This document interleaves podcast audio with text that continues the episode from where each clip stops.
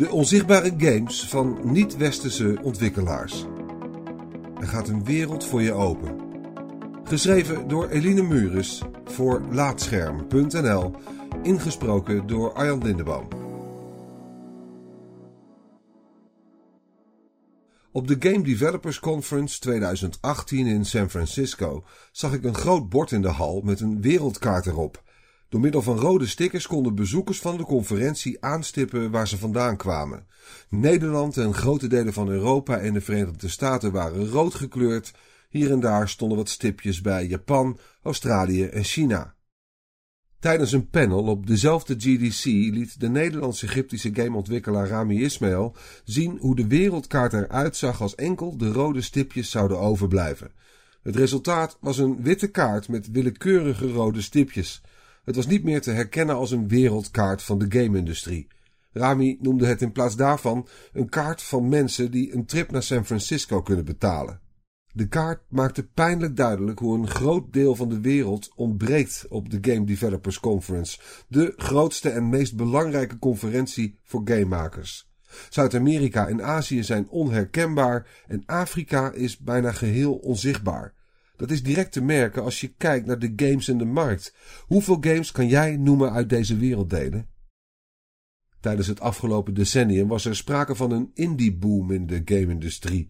Door digitale distributie en de beschikbaarheid van tools als GameMaker en Unity werd het voor onafhankelijke individuele gameontwikkelaars makkelijker om games te maken.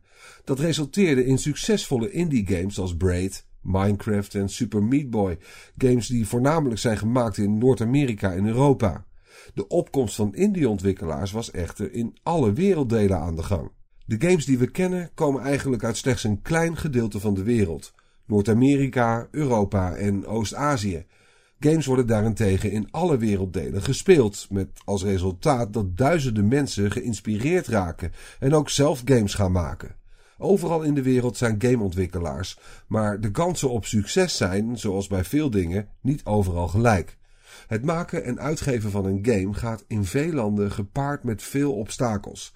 Abdullah Karam, een Syrische gameontwikkelaar die inmiddels in Oostenrijk woont, legde dat uit tijdens een presentatie op het Big Indie Fest in Wenen.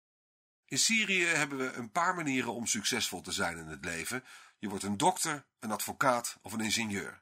Het is onmogelijk om een gameontwikkelaar te worden. Mensen verklaren je voor gek. De game-industrie is geen serieuze carrièreoptie in veel landen. Zelfs al is er de steun van je familie, dan heb je om te beginnen een computer nodig met een internetverbinding. Ook nu nog ben je in sommige landen dan aangewezen op internetcafés. Als het je gelukt is om een game te maken, wordt het vervolgens lastig om die ook daadwerkelijk te kunnen verkopen. Door de internationale politiek gelden er veel sancties voor landen als Syrië en Iran. Het is daar onmogelijk om met PayPal of een creditcard te betalen of geld te ontvangen op je bankrekening, omdat de landen zijn afgesloten van het banknetwerk. Veel Amerikaanse websites worden geblokkeerd.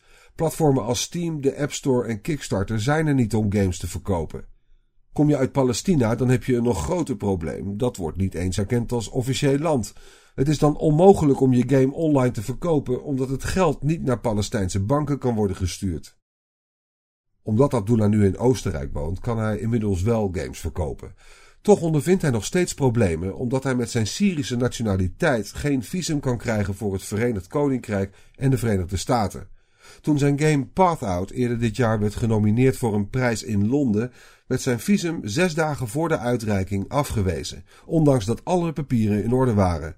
Hij had zelfs een brief van zijn werkgever. Ze dachten dat ik twee kinderen had, terwijl ik helemaal geen kinderen heb. Ze dachten dat ik naar het Verenigd Koninkrijk wou emigreren, mijn hele leven wou omgooien, mijn baan, familie en dromen in Oostenrijk achterlaten om te verhuizen. Waarom? Omdat ik een Syriër ben. En zo ben ik bij ze bekend. Ik koos er niet voor om in Syrië geboren te worden. Abdullah is geen uitzondering. Gameontwikkelaars uit Afrika, Azië en Zuid-Amerika hebben de grootste moeite om visums te krijgen voor westerse landen.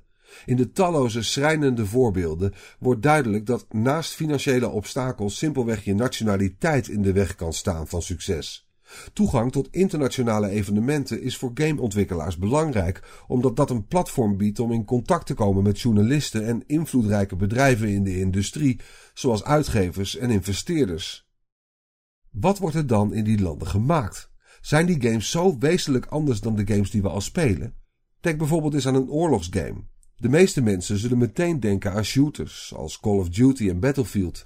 Amerikaanse games waarbij je de held speelt door zoveel mogelijk vijanden neer te knallen. De Poolse ontwikkelaar 11-bit Studios maakte een oorlogsgame met een heel andere invalshoek, This War of Mine, waar het doel is om een oorlog te overleven als burger in plaats van als heldhaftige militair in de frontlinie. Aangezien Polen in het verleden bezet is geweest, is het eigenlijk heel logisch dat er anders tegen oorlog wordt aangekeken. Andere culturen brengen een nieuw perspectief bij dit soort thema's. Niet-westerse culturen kunnen daarnaast ook met geheel nieuwe thema's komen. De Cameroense studio Kiro Games ontwikkelde de African Fantasy Action RPG Orion Legacy of the Cory Odan, waarin Afrikaanse magie en mythologie tot leven komt. De Iraanse ontwikkelaar Madi Barami maakte Farsh, een game waarin je Persische tapijten oprolt, en Engare, waar je puzzels oplost door geometrische vormen te maken die veelal te zien zijn in islamitische beeldcultuur. Zijn games hebben heel originele gameplay-elementen die gebaseerd zijn op alledaagse onderdelen in de Iraanse cultuur. We zijn heel bekend met de Amerikaanse cultuur omdat die cultuur via producten wordt geëxporteerd naar de rest van de wereld. Door games te spelen uit andere culturen krijg je een indruk van het land waar het is gemaakt. De waarde van niet-westerse games wordt wellicht nog duidelijker wanneer ze gaan over serieuze thema's.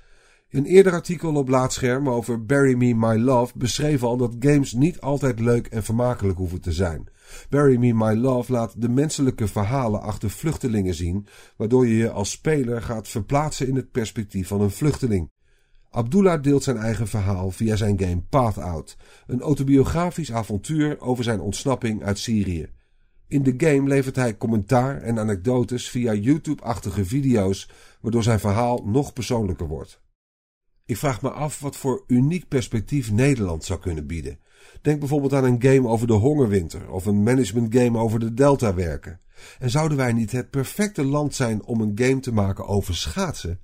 In ieder geval hoop ik dat gameontwikkelaars zich vooral laten inspireren door hun eigen cultuur en spelers vaker op zoek gaan naar games uit verre landen.